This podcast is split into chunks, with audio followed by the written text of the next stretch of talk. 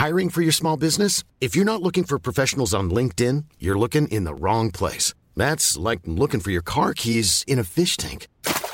LinkedIn helps you hire professionals you can't find anywhere else, even those who aren't actively searching for a new job but might be open to the perfect role. In a given month, over 70% of LinkedIn users don't even visit other leading job sites. So start looking in the right place. With LinkedIn, you can hire professionals like a professional. Post your free job on linkedin.com slash people today.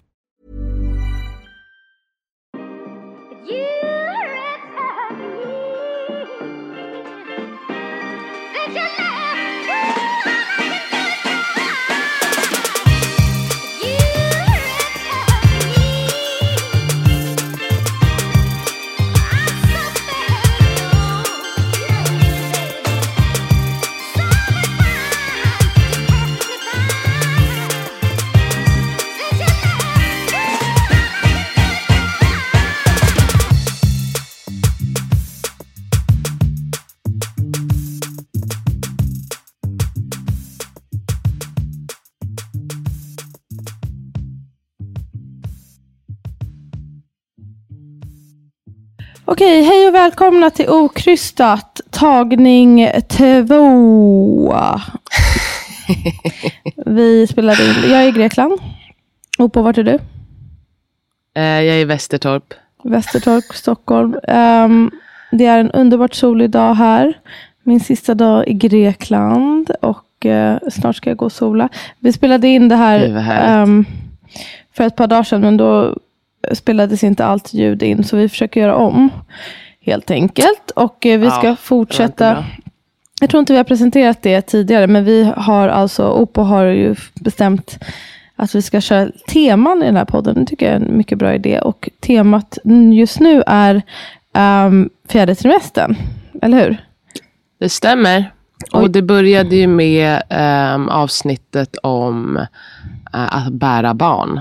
Som sändes. Det var i förrförra avsnittet. Mm, med och sen Louis, så hade vi, ja, exakt, med Louis, så hade vi en frågelåda emellan.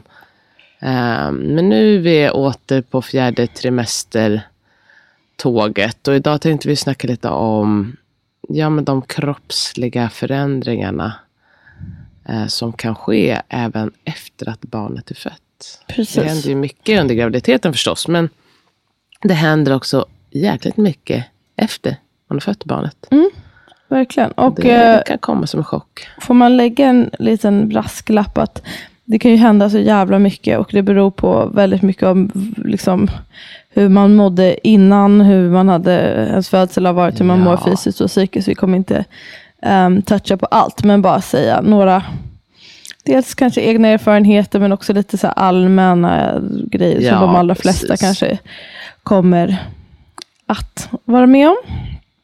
Men... Exakt, och det är väl mer bara för att sådär ge en heads-up. För jag tror många, alltså att man förbereder sig så mycket inför att barnet ska komma ut. Och sen så blir ju allting efter en afterthoughts.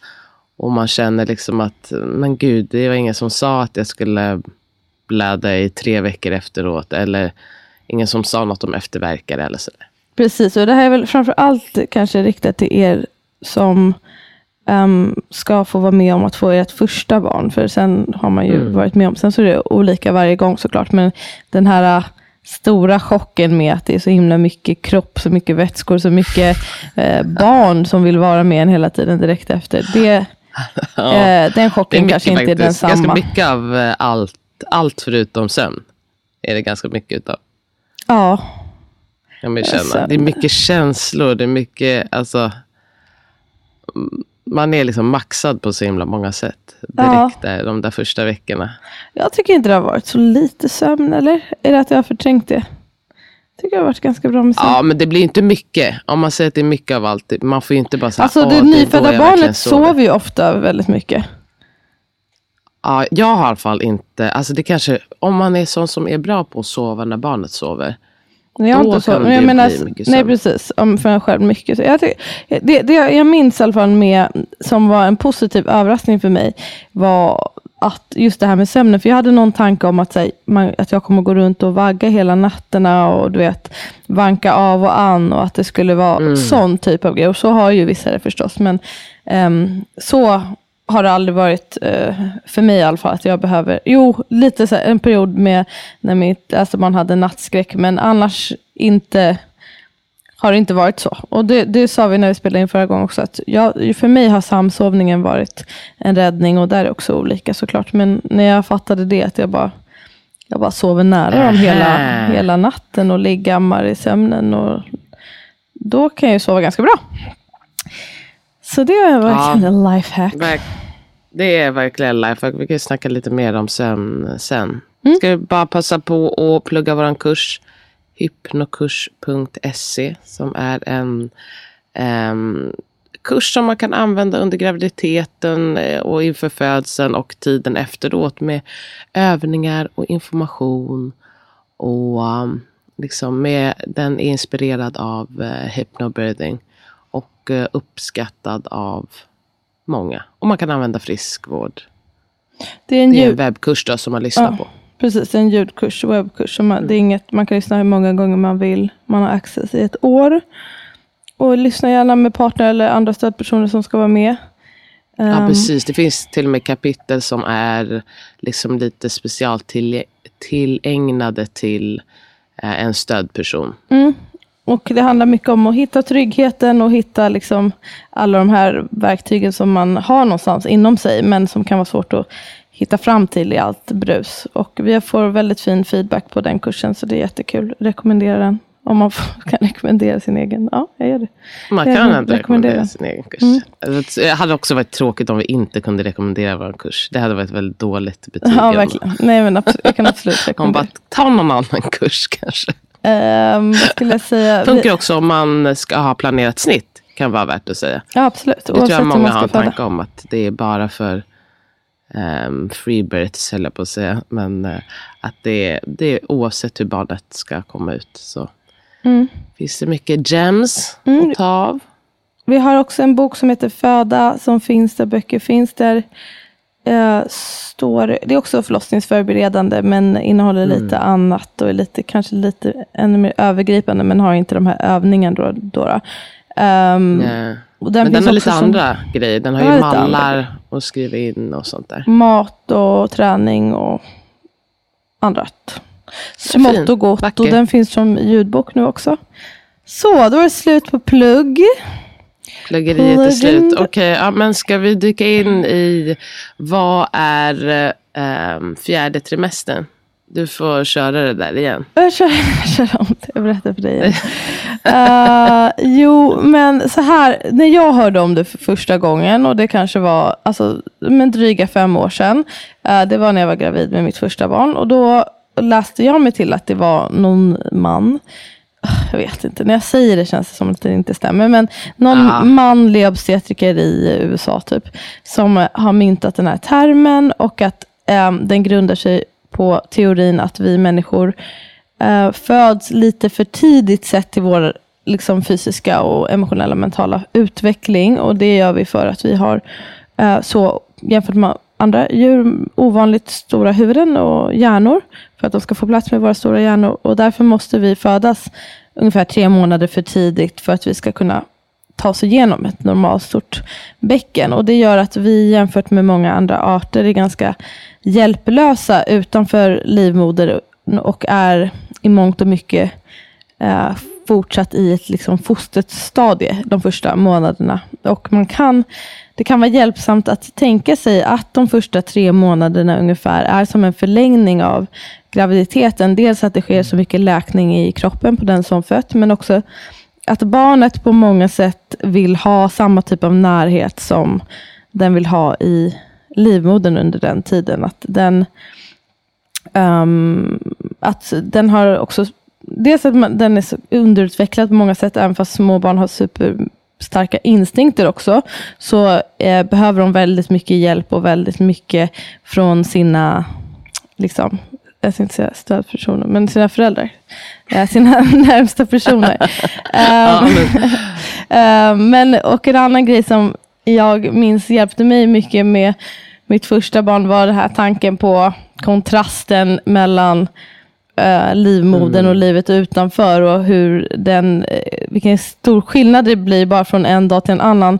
Um, för det här nyfödda barnet från att ha legat liksom tight i en livmoder, naken, det är mörkt, dova ljud, det är liksom mjukt runt omkring en, man är nära um, sin förälder hela tiden, man vaggas ofta, man blir omhållen hela tiden. Liksom. Aldrig någon, mm. Man hör hjärtslag hela tiden, man får konstant Perfekt näring, temperatur. bra temperatur, allt sånt. Och sen plötsligt så sker något mer eller mindre dramatiskt, kanske också smärtsamt för en. Um, och sen så kommer man ut och det är både ljust och mörkt och det kan vara kallt och varmt. Man kan känna hunger, man känner liksom ordentliga tarmrörelser, man kanske får uppleva ensamhet, inte bli omhållen blöja. hela tiden, blöja, kläder, åtsittande saker. Um, att folk som försöker lämna, lägga ner en och att man ska ligga själv och sootha sig. Och, du vet, att det mm. måste vara en sån himla omställning, särskilt för ett barn som inte kan liksom analysera eller förstå så himla mycket. Så det är min långa det blir, utläggning. Ja, men det är så, det jag tycker det är som du säger, att det blir att få det där visuella gör det ganska liksom att man kan få en större förståelse för hur jobbigt det kan vara och att det är därför många barn vill vara nära, nära, nära och just också hud mot hud. Um, liksom för att där kan man hitta en trygghet och att de där tre första månaderna får bli liksom en övergångsperiod. Att du har gått från magen och sen så var, får du vara på magen och sen får du vara liksom fri. Mm, mer eller mindre precis. Eh, ja.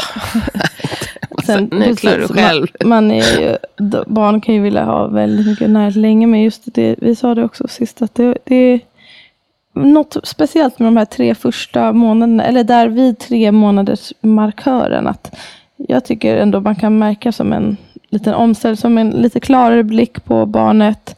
Att det är mm. lite mer bebis och lite mindre foster. Och att man själv också um, har kanske tagit sig igenom bara den första etappen av många innan man är helt läkt och uh, lite mer uh, liksom sig själv eller vad man ska säga. Men eh, eh liksom den här väldigt eh, absolut första etappen av läkning har skett. Jag tycker också det här som man kan känna alltså under graviditeten och födseln och kanske, jag vet inte om det är extra mycket så här tiden efteråt, det här att kan, man kan känna sig öppen. Förstår du vad jag menar? Mm. Att man liksom känslomässigt är väldigt öppen och mottaglig för energi, liksom, olika energier. Det tyckte jag också för mig själv efter tre månader, att jag kände att så här, nej men nu, nu börjar det där sluta sig lite grann. Um, och jag blir liksom kanske lite mer motståndskraftig till uh, den yttre världen. Liksom att, ja, man blir inte riktigt lika påverkad uh, mentalt och emotionellt av allting som sker runt omkring.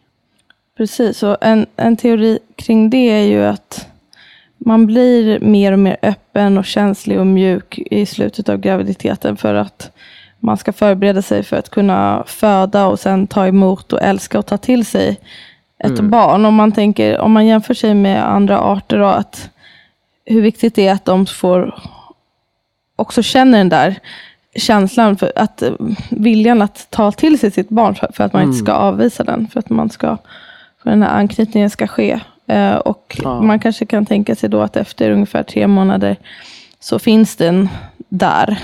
Utan ja, att man behöver, äh, behöver vara så där himla känslig och så. Apropå det, du kan du ju berätta lite. Um, ja, men dels om du tänkte på fjärde trimester som begrepp. Alltså när du började tänka på det som begrepp och hur du tänkte med de olika barnen. Jag vill också, det vi inte pratade om när vi spelade in förra gången var du gjorde ju en fjärde trimesterceremoni med Freddy. Det kan du också berätta lite om. Mm, jag kan faktiskt inte... Jag tror säkert att det var du som introducerade mig till, be, till begreppet. Eh, eh, kan jag tänka mig. Så inte då med, um, med ditt första barn så var det inte kanske du tänkte nej, på det så? Tänk, nej, det var ingenting som i alla fall jag snackade kanske så mycket om. Eh, men det, och det jag kommer ihåg att jag förberedde var ju att jag förberedde mat och la i frysen. Och också att jag var eh, liksom medveten om att så här, man, man kan vara liksom väldigt emotionell eh, direkt efteråt. Så ja, jag minns som sagt att eh, när jag plötsligt liksom satt i soffan och ammade. Och sen så jag var med då. Från, ja, från skratt till gråt och man bara, åh gud, det här är...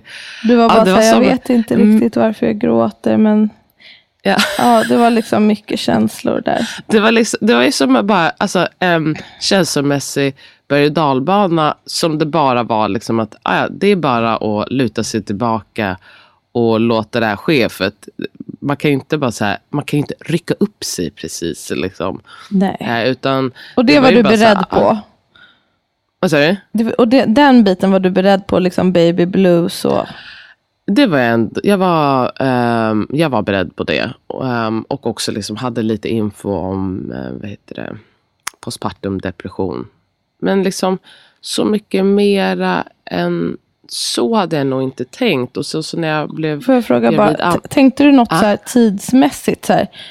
Alltså hur länge de här känslorna, kan, att det kan vara så? Alltså tänkte du då typ, ja de ett första dagarna, ett par veckor? Ja. Ja, jag tror att det var så jag tänkte. Och tänkte du något ur eh. barnets perspektiv? Mm, nej, det kan jag inte minnas faktiskt. Men jag tror att det kom, det kom ändå... Um, naturligt? Ja, det kom naturligt att, så här, att okay, hon vill vara nära för att hon vill ju absolut... Hon, hon kanske legat i sitt babynest två gånger. Alltså hon var helt ointresserad av det.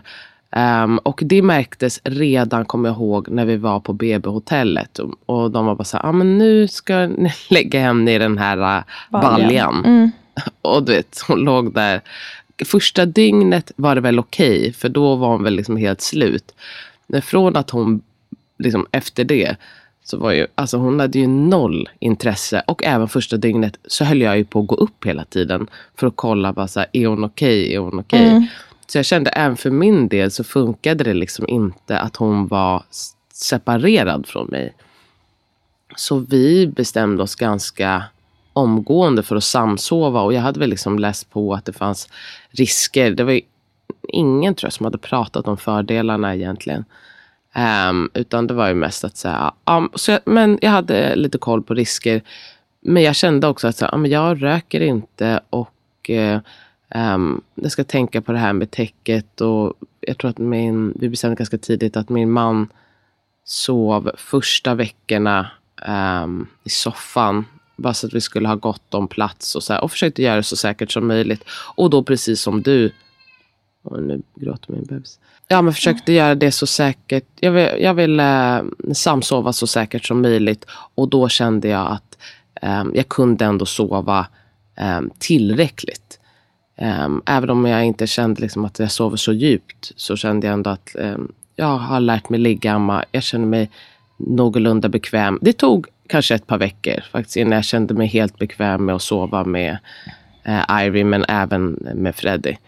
Mm. Uh, men sen så liksom, var det ju en uh, alltså, gudagåva rent ut sagt. För att annars hade jag inte orkat med någonting. Jag kan liksom inte föreställa mig om jag hade behövt sätta mig upp och amma eller gå och hämta dem någonstans och sådär. Så jag tycker att det har varit guld värt. Både liggamningen och samsovningen. Mm, Okej, okay, med, med andra, nu, jag ville höra lite om, för, för du sa det här med äh, känslorna, då tänkte jag på det här closing the bones-ceremonin mm, som du hade. Det. Ja, men eh, andra gången, då tror jag att det var framför allt eh, alltså, jag gjorde lite praktiska grejer också, liksom med att ordna med mat och en meal train. Eh, att kompisar kom med mat och familjen och sådär. Men jag la lite mer fokus på, ska man säga, det jag ska kalla det spirituella eller det liksom emotionella. Men ja, det spirituella på något sätt. Att um, liksom, mer än bara så här, eh, det praktiska. Och vi hade, jag hade ju liksom skrivit en postpartumplan. Och bland annat så var det att jag inte skulle gå ut eh, första fem dagarna. Så jag stannade hemma. Och det var väldigt skönt, jag som ändå är liksom lite av någon som håller på och flänger runt. Att veta att så här, nej men nu ska jag vara hemma och liksom vara i stillhet och samla mig. Och jag tror också att det kanske var därför jag kände lite mer den här, eh, att jag blev liksom lite nedstämd dagarna efteråt.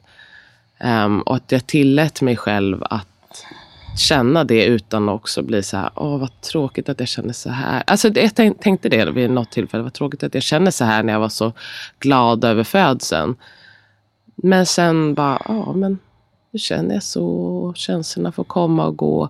Och så minns jag där när fem dagar hade gått, då var jag liksom helt pirrig för att gå, gå ut och lämna återvinningen. Mm. Uh, och jag kände att det var så det var så bra för mig att liksom bara få eh, samla mig på det sättet. Och sen efter eh, när fjärde trimestern var slut, då bjöd jag ju hem eh, dig och min andra syrra och min mamma. Um, och så hade vi en Någon liten shaman. ceremoni. Vad sa du? Någon shaman var också med, en kvinna. Ah. jag vet inte om hon kallar sig shaman. uh, ja, men från Dola-cirkeln, det gav en shoutout. Um, och så liksom, hon läste lite dikt och, och ni gav mig liksom några um, tips på vägen liksom, att ta med sig in i, i föräldraskapet och sa liksom massa fina saker till mig. Och så gjorde ni det Um, typ, vad var det, liksom, så fina saker som ni vill att jag ska ta med mig. Talade ni in i en ros och sen strödde ni de här rosbladen på mig. Och sen så lindades jag in i eh, sjalar och rosblad. Det var, det var så det låter ju jätteflummigt det här när jag ska beskriva det. Och det var, det ganska var, det var flummigt. Men det var kul. Och Men det, det var, var, så fint. Och väldigt symboliskt. Och, alltså ett väldigt, en fin ceremoni för att hylla den här tiden. Och att så här, nu är graviditeten över. Nu är ah. också att just att när vi lindade in dig. att ja, men, Nu är du inte så där öppen något mer. Eh, på Exakt. gott och ont. Liksom. Det är inte något Alltså bara att det är en annan fas som inträder. Så det var, det var jättefint och fint att få säga till dig att vi är stolta och samlas. Alltså, det var, ja, så det var toppen. Det var helt fantastiskt. Och då liksom man, behöver, man kan ju göra det där precis som man vill. Man, alltså så lite eller mycket flummigt som man vill. Eller långt eller kort. Ja. Eh, men bara just som du säger att ha det här äh, stödet och känna bara så här. Gud jag, jag gjorde det här och, och vilken jävla bedrift att skapa en människa och kunna liksom um, ta hand om oss den här tiden och få sen liksom, inte liksom sätta locket på men ändå på något sätt emotionellt och fysiskt känna att så här, nu är den här eran över. Ja. Nu är jag redo för nästa. Äh, det var superfint. Vi, vi gjorde, jag inspirerades av de, den grejen och gjorde eh, till, jag kommer göra det nu till alla mina vänner om någon mer blir gravid. Men vi gjorde det till min vän Johanna och inte alls, alltså väldigt mycket mer enkelt. Men bara ens eh, att vi bjöd in henne, eh, några vänner och hennes sys, tvillingsyster och hennes mamma och gjorde lunch. och hon fick lite presenter och vi pratade om hennes födsel och vi ja, bara samlades för att eh, fira liksom att fjärde trimestern var över. Och det var Så jätteuppskattat. Mm. Ja, men jag kan bara tänka mig det. Alltså också att i den här tiden när liksom, det handlar så mycket om kropp och kött och bebisen. Att få stanna upp lite och, och bli omhållen av sina nära och kära. Det är ju jätte jättefint och säkert uppskattat av de flesta. Mother ja, det ska vi ordna till dig också. Mother the mother, exakt. Mm. Jag ska också göra postpartumplan. Om det blir ett barn nu inshallah så ska jag göra en postpartumplan. Jag kommer inte vara hemma i fem dagar men jag kommer göra andra grejer. Uh, det, ska bli, det, blir, det ska bli jättekul. Annars med, med andra barnet så gjorde jag ingenting men jag mådde dock alltså, psykiskt. Jag fick ingen baby blues. Jag bara väntade på att jag skulle må dåligt. Jag mådde inte dåligt snart en gång. Snart kommer dippen. Mm. Uh, ja, du menar att den kommer snart? Den där kommer det ska vara jättesjukt. a good two years in, bara, uh, nu. Nej, men jag mådde verkligen otroligt. Åh, oh, vad bra jag mådde. Mm. Gud, vad uh, härligt. Men med det första barnet, då, då mådde man lite sämre. Men då, jag sa det också när vi spelade in sist, men att vi eh, den här fjärde semestern var så himla nytt. För när jag la upp någonting om det, det var, då var han några veckor och förklarade vad det var. Det var så många som var bara så här, gud det här, jag önskar att någon hade sagt det här till mig. Och mycket igenkänning och bara aldrig tänkt så här. Och du vet, det var Nyhetsmorgon och det var det ena med det tredje och fick prata om det hela tiden. Nu känns det som det finns i i var och varannan liksom, app eller bok och så. Att man, alltså, många vet vad fjärde trimestern är. Verkligen. Ändå. Kanske inte alla gemene man. Men... Ja, alltså många vet vad det är, men jag tror att det tål att, att påminna folk om att det inte bara är ett namn på de tre första månaderna. Nej, utan också det här att ur barnets perspektiv. Att det är också att barnet det här är ju som en förlängning av graviditeten. Mm. Och, och det här just behovet av närhet. Det tror jag att man kan fortsätta alltså, prata om lite mer. Verkligen. Och det var när jag med framförallt första barnet. Han var så på en skala av så här, närhetssökande och liksom mer eller mindre missnöjd. Så han var han lite mer på den mer demanding side skulle jag säga. Eller demanding, men han ville vara, han var han liksom Karl och barn, han ville vara nära hela tiden. Det var så skönt när jag bara, ja, då, det är liksom livmoder time. I tio, ja. månader, tio månader körde vi. Sjalen i tio månader. Det är en lång fjärde trimester. Hiring for your small business? If you're not looking for professionals on LinkedIn, you're looking in the wrong place. That's like looking for your car keys in a fish tank. LinkedIn helps you hire professionals you can't find anywhere else, even those who aren't actively searching for a new job but might be open to the perfect role. In a given month, over 70% of LinkedIn users don't even visit other leading job sites. So start looking in the right place. With LinkedIn, you can hire professionals like a professional. Post your free job on linkedin.com slash people today. Millions of people have lost weight with personalized plans from Noom. Like Evan, who can't stand salads and still lost 50 pounds. Salads generally for most people are the easy button, right? For me, that wasn't an option. I never really was a salad guy. That's just not who I am. But Noom worked for me. Get your personalized plan today at Noom.com. Real Noom user compensated to provide their story. In four weeks, the typical Noom user can expect to lose one to two pounds per week. Individual results may vary.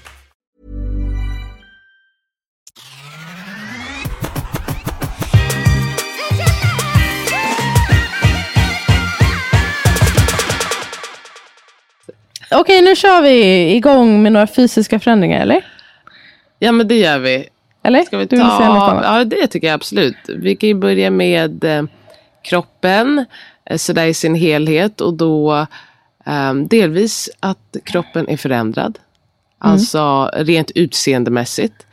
Um, ibland kan man känna att det är så tabu att typ prata om sitt utseende. Men uh, jag tror många tycker att det är jävligt jobbigt att den ser annorlunda ut. Och jag och tror att också hur så här, samhället ser på en. Alltså uh, vissa trivs kanske inte ens uh, vara, med, vara gravida. Men då är det ändå som att folk tycker att så här, Åh, du är gravid och du är glowing. Och sen när barnet är ute och man har typ lika stor mage.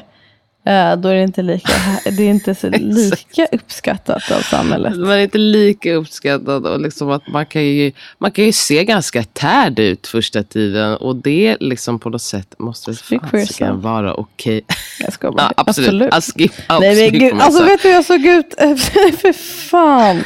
Jag såg ut som ett jävla träsktroll för att jag fick ju också svamp på huden. Antagligen för att jag låg i det där oh, badet länge. Just och så bara, oh, gud, det hade jag glömt bort. Så, så jag fick någon svamp på hu huden och jag var också, du vet så här, jag vet inte, jag kände mig inte, ja som sagt, det känns tabu att prata om det, men jag, jag kände mig inte super så bekväm, eller bekväm, jag bara, det här är inte min kropp som jag har sett förut. Särskilt inte med de Nej. här bölderna och du vet, håret är katastrof ut och så. Uh, jag... Bölderna, håret är rakt upp och sen giant jugs. Och giant jugs. oh, och så vätska ur varje hål. Nej, inte varje hål. Men ur tuttarna och vätska ur könet och svett. Och, det var ja, det är jävligt mycket. Alltså, det är jävligt eh, liksom mycket. Och mycket precis kropp. som snackade om det här med att magen är så himla stor fortfarande. det måste du ändå berätta igen. Att efter du fick din första. Ja, när jag födde första Så på, på, alltså på sjukhuset, jag var på Danderyd och gick ner och träffade Elisabeth tror jag. Uh, alltså äh, mitt barn var en dag gammalt. Så var det någon tant som frågade om jag väntade. Alltså jag höll honom i, i famnen. Frågade om jag väntade en till. Eh, så kunskapen är väl låg om att för de allra flesta så är magen, den går inte in. Liksom. Det är mycket som Nej. har töjts ut. Och, eh, liksom, det man kan ha gått upp i vikt, musklerna har delat sig, organen ligger lite hipp som upp. Det tar ju sin lilla tid för det där att dra ihop sig. För vissa, man ser vissa tanter på, på stan, det där är aldrig, går ju aldrig bort för vissa. Nej. Eller hur? Nej. man ser vissa som har den där gravidmagen. Det är, så är det ju verkligen. Och det är ju det här med som du sa att, att magmusklerna har delat på sig. Liksom. Så det är liksom bara helt um, öppet där. Så man ska också vara lite um, varsam med hur man, hur man sätter sig upp och sådana där saker. Att, mm. uh, åtminstone känna efter lite. Att det är inte som att uh, bara för att barnet är ute så bara, oh, nu har jag exakt samma kropp som jag hade innan jag blev gravid. Utan att det tar lite tid för alltså både mag-tarmkanalen och liksom allting på insidan men också de här magmusklerna att eh, dra ihop sig. Och sen så för vissa möts de och för vissa så drar de aldrig riktigt ihop sig. Eh, jag tror vi båda har lite eh, utrymme, liksom lite diastas och eh, um, det går bra.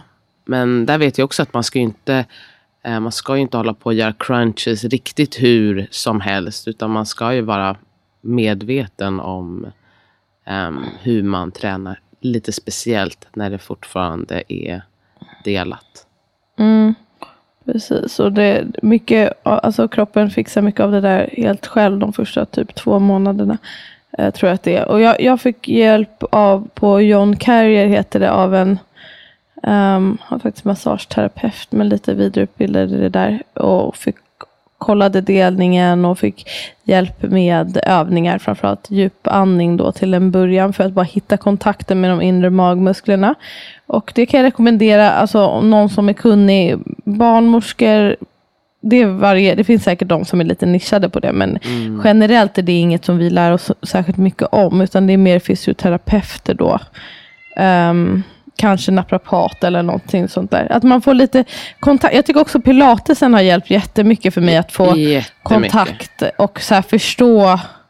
Jag vet inte, bara känna in eh, kroppskännedomen har verkligen hjälpt. Det är det, alltså. kroppskännedomen. Alltså. Mm. Och som du sa, alltså diastas, det är ju ett problem om det är ett problem. Om man inte upplever problem från det, då behöver det inte vara ett problem. Även om man Nej. har stor delning. Men för vissa Precis. blir det fett jobbigt och man får jätteont i ryggen och får jättemycket besvär. Och då um, är det kanske någonting man antingen kan åtgärda med någon typ av träning eller liknande. Eller i lite mer extrema fall så, så får man uh, operera. Det låter som att han är en liten ja. katt.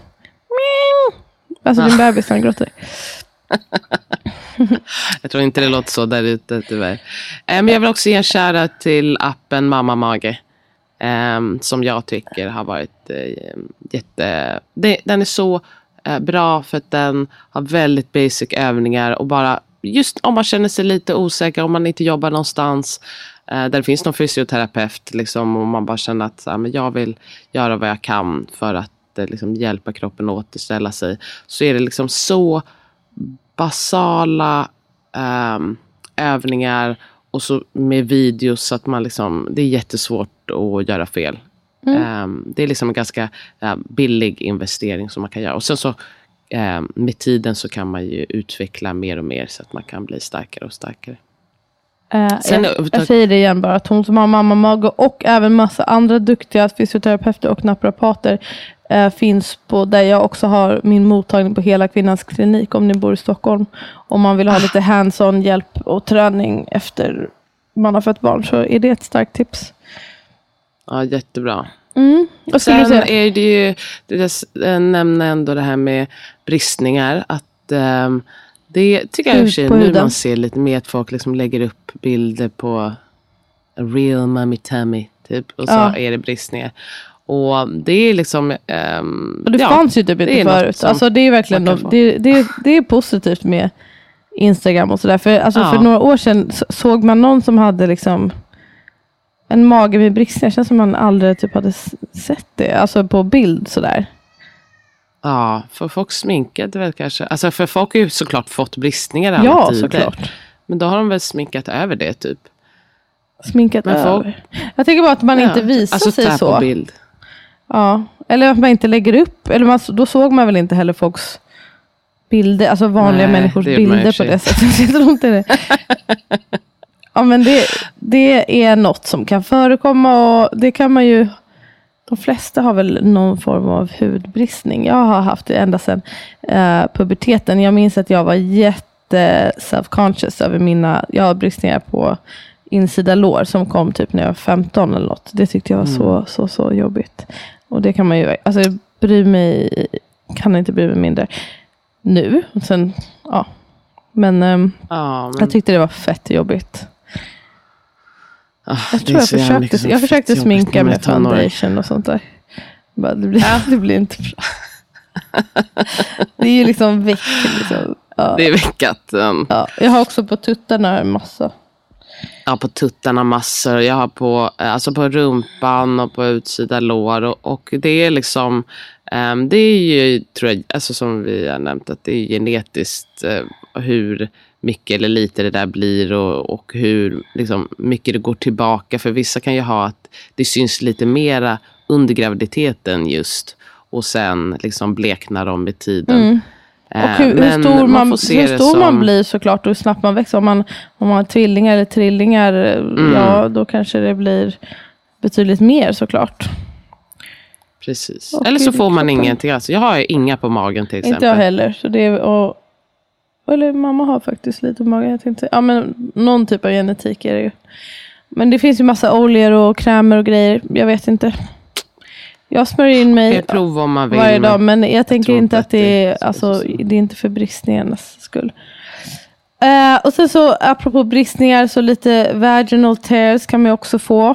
Vi har väl inte gjort något bristningsavsnitt, brist, alltså vaginala bristningar. Det borde vi göra. Det borde vi göra. Men eh, de flesta, eh, inte minst om man föder sitt första barn, får ju någon form av bristning. Och det, en bristning kan ju vara, det är något som många är väldigt rädda för inför att de föder. Ja. Framförallt första barnet skulle jag säga.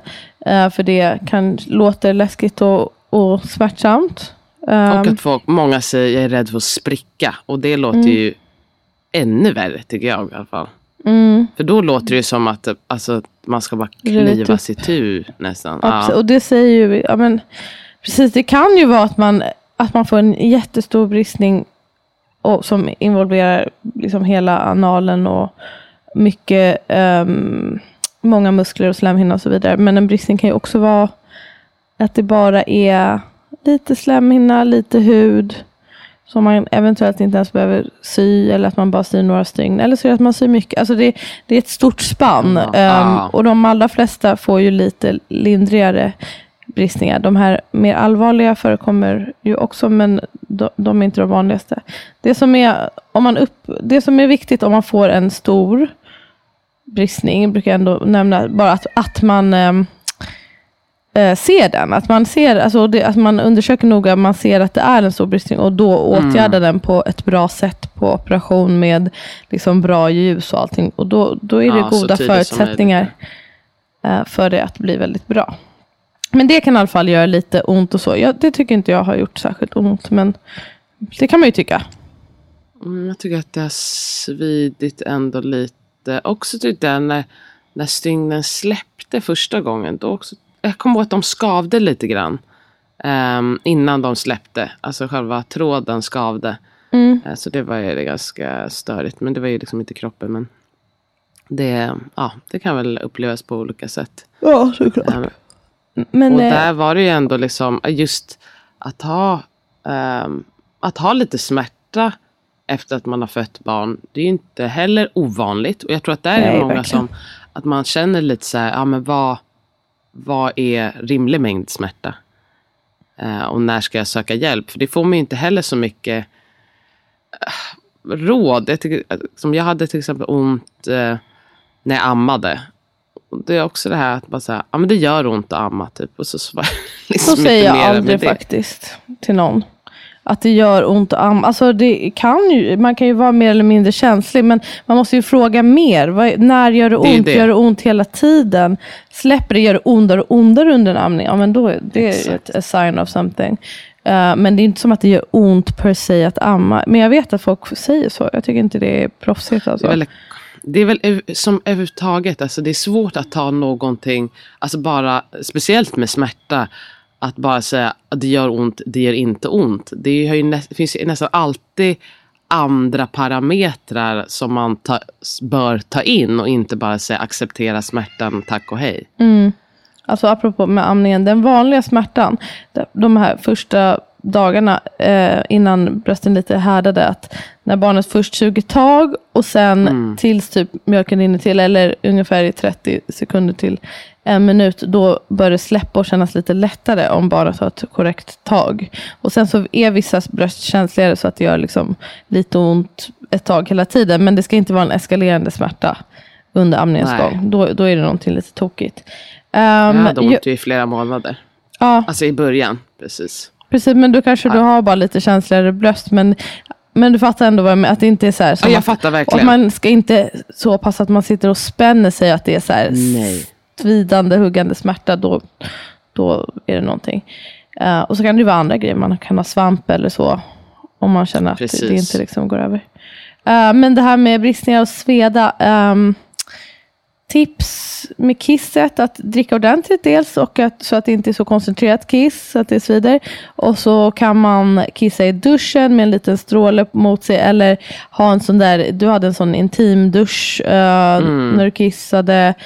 Jag hade min vanliga duschslang och kissade samtidigt, eller spolade liksom istället för att torka mig. Det var väldigt bra. jag tänker på att jag hörde um, en annan podd som pratade om, som det är Flashback Forever. De frågade så här, någon hade frågat, är det, brukar ni också bajsa i duschen? Va? Det, och så, så visade det sig ah, att de läste om någon undersökning där det var typ 10 procent bajsar i duschen. Va? Alltså det var så jävla sjukt. Någon undersökning? Vad är det för undersökning? en amerikansk undersökning. Låter... Nej men kissa i duschen det det känns helt rimligt. Men det kan ju också, man kan vara väldigt nervös för första bajset. Men då är inte vår rekommendation Bajspall och eh, så, så äter man så att bajset blir mjukt. Och dricker. Exakt. Du sa när vi Drick. hade exakt det här samtalet för ett par dagar sedan. Då sa du att du drack mycket te. Ja, jag drack alltså varma drycker. Alltså även silverte så att säga. Mm. Bara dricka liksom äh, varmt vatten med te och sen. Vi ska lägga liksom, min postpartum-plan drick varmt. Precis. Drick Asian varmt style. och sen liksom fiberrik mat. Um, och som också, för det är också skönt för magen när liksom, den har så himla mycket plats att äta. Kanske inte börja stenhårt med massa rött kött utan kanske liksom soppor eller um, gröt, congee, sådana saker som är liksom lätt för magen att jobba med. Um, men som också um, hjälper till med peristaltiken så att liksom, um, bajset kan bli, liksom, inte löst men mm. inte hårt. Och gå inte och håll er från att bajsa. Det är lite läskigt. Absolut, absolut inte. Det, det, kan vara, det kommer inte bli bättre med tiden. Det kan vara hemorrhoids. Det, det kan vara, kännas väldigt tungt och så här.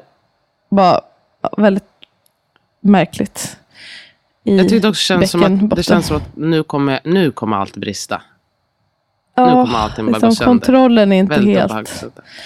Och man, det kan kännas lite skönt att hålla emot liksom lite med en binda eller någonting bakom. Alltså typ ja, men vid fittan tänkte jag säga. Men det är lite bakom i perineum. Ja. Uh, bara för att känna typ det här stödet. Sen så det där ska ju ge med sig med tiden. Det är inte så att man hela livet ska känna att man måste hålla emot. Men för då Nej. behöver man söka hjälp. Men uh, i början kan det vara lite skönt. Okej, nu ja. snart så vill, nu har vi spelat in jättelänge. Har vi några som vi... Um, jag vill, uh, avslag är väl kanske, för det får ju alla oavsett mm. hur barnet har kommit ut. Mm. Uh, att man det är bra att veta just blöd... med över med kejsarsnitt som du säger. Att vissa tänker kanske inte att det kommer komma något ur vaginan sen. Nej, precis. Men det har, har ju, oavsett hur barnet har kommit ut, och som sagt, så har det ju funnits en moderkaka och den finns inte kvar och där är ett sår. Um, och uh, liksom vätska och blod kommer ut uh, ur livmodern. Mm. Och, det är lite olika hur länge men typ upp till två månader. Och så som en superlång mens oftast att det blir lite mindre och mindre. Ja, precis. Det kan ju vara väldigt mycket. Och då, Uh, om man är på sjukhus så får man ju såna här eh, megastora blöjor. Och föder man hemma så kan man köra på uh, äldre barns blöjor. Det tyckte jag var ett jättebra tips. Ja, om man har äldre barn precis. Ska man ta, jag tog sådana här up and go och öppnade upp dem. Det gick superbra. Men det finns också på apoteket. Jag, jag kommer köra menstrosor jag, jag har inget blöjbarn hemma, man kan ju köpa bara ett litet blöjpaket. Du kan få några av mig. Jag kan få några av dig och sen menstrosor och tygbindor tänker jag, för de tycker jag är sköna. Uh, och så kan det komma lite, en lite skjuts efter några veckor med en liten klump ibland med koagel utan att det behöver vara någonting konstigt med det. Men uh, om man känner att är det här en orimlig mängd att blöda, men då kan man ju alltid kolla upp det. Det kan vara lite svårt att veta. Det ska ju inte vara så här, rinna obehindrat, uh, forsa, men just Nej. efter, men alltså man kan ju alltid ringa till man kan ju ringa till uh, sin barnmorskemottagning. Alltså känner man lite oro, då kan man ju, man får ju fortfarande ringa dit och be om en tid. Ja, men, först, precis. men första veckan till man sin BB så kan man ringa BB. Ja. Sen, sen, kan man ringa. Men då um, brukar det ju vara ganska mycket, ja ändå. Men det är klart om man känner bara, nej men gud jag, blir, jag känner, börjar känna mig yr eller ja, något sånt där. Eller att det luktar illa eller så. Så är det också viktigt så att man inte har fått en infektion. Precis, om man inte fått endometrit. Om man, eh, också om man får feber som håller i sig och är hög eller får ont i magen. Um, alltså inte bara efterverkan men så här, ihållande öm i magen så det, kan det vara tecken på endometrit och det är viktigt att behandla för det kan vara liksom, bli ganska allvarligt. Särskilt om man har fött med kejsarsnitt kan man ju tänka på det. Att infektionsrisken där. Eller om man har haft lång vattenavgång eller många vaginala undersökningar. Så. Bra att tänka på. Jag vill, bara, jag vill också bara säga eh, kort, vi har nämnt det förr, men eh, isbinda eller kylbinda, att det kan vara väldigt skönt de första eh, dagarna. Um, det kan ju vara skönt även i slutet av graviditeten kan man ju känna sig så jävla svullen. Eh, men att ha en kylbinda som man kan göra själv eller så kan man köpa kylbindor. Mm. Och, jag eh, skrev eh, sockersug. Alltså jag hade ett sånt sockersug att det var, det var helt in. otroligt. Hade du också det? Mm, jag har allt. Nej, det har jag inte inget minne av. Nej. Jag har inte heller haft mycket aptit. Jag vet att många har så mycket aptit när de mm. ammar och så. Jag har inte haft mycket aptit. Så jag vet inte riktigt. Men det är väl som allt super olika. Det är din kropp som behöver aptit. energi helt enkelt. Och också mycket socker. Nej men något ofantligt. Um. Men det är ju bra. Jag ska också skriva det i min postpartumplan. Att försöka äta lite mer ordentligt. Om man nu ska bli en hel amning. Det är väldigt energikrävande. Och de, det märks att barnen mm. prioriteras tycker jag. Så är det ehm, verkligen. Ska vi ta en sista kanske? Efterverkar. Mm. Efterverkar. Oj, oj, oj. Som eh, jag inte hade några första gången. Och andra gången så tyckte jag att det var fruktansvärt. Jag minns um, inte att du sa det medan vi var hemma hos dig, men du kanske kom lite senare, eller? Ja, man kommer inte ihåg när jag låg i badet fortfarande. Alltså när han hade kommit och jag var så här, äh, det gör så ont, nu vill jag komma upp. Att jag, Aha, var så här, jag, kan in, jag kunde inte, det här fokuset som jag hade eh, så bra under födseln, när han kom, då var jag så himla vaken och då mm. kunde jag liksom inte, Hantera. jag kunde inte samla mig. Liksom, och, det, och, och den här känslan av att så här, nej nu är jag trött på ont. Ja. Okay? Nu, nu skulle jag vilja att, nu vill jag ha en paus på riktigt. Nu har barnet kommit, låt mig titta på badet, vara med badet, komma upp ur badet och samla mig. Jag liksom orkar inte få jätteont. Nej usch. Nej, jag, jag, Sen tyckte jag efter det, så var det okej. Okay. Alltså jag hade det i två veckor tror jag. Jaha, okej. Okay. Jag hade nog fyra dagar eller något sånt där. Men eh, det blev lite mindre och mindre.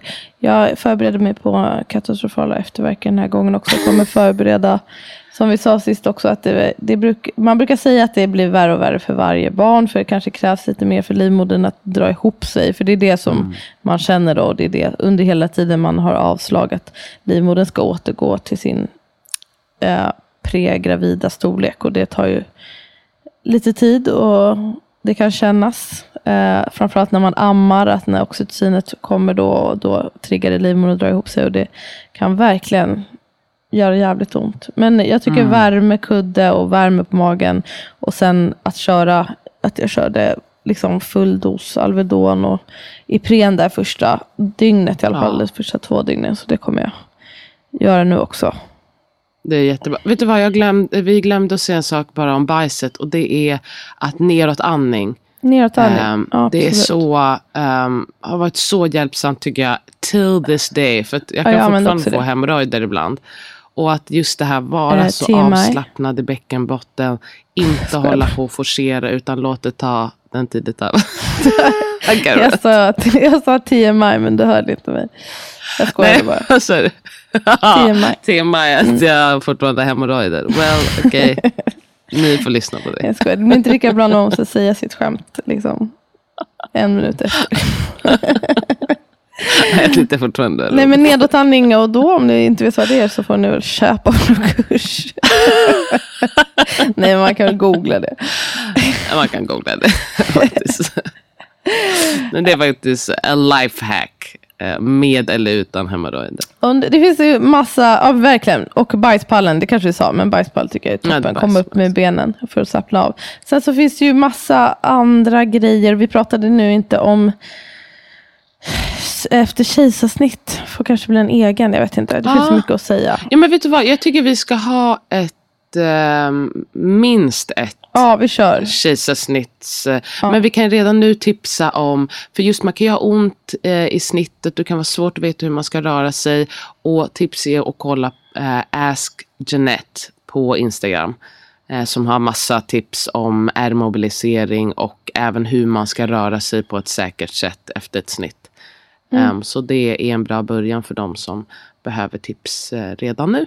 Bra. Och du kan lägga när vi lägger ut det här så kan du lägga ut på vår Instagram okrystat.podcast um, en liten frågelåda vad folk Dels om de har tips för fjärde trimestern och om det är någonting de hade önskat, önskat att de hade vetat innan fjärde trimestern. Det kan vara kul. Absolut. Det blir jättekul. Och så delar jag, um, delar jag det. Era svar?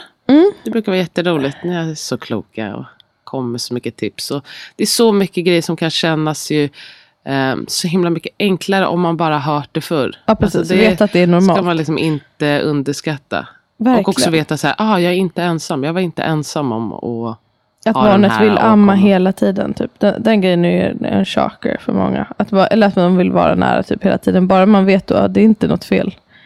Nej, Utan det är, så. det är helt normalt. Ja. Och det kommer inte vara för alltid. Nej, precis. Okej, nu är det dags för mig att ut i solen. hoppa i plurret. Gud vad härligt. Vi hörs. Det gör vi. Älskar dig. Älskar dig. Puss. Puss.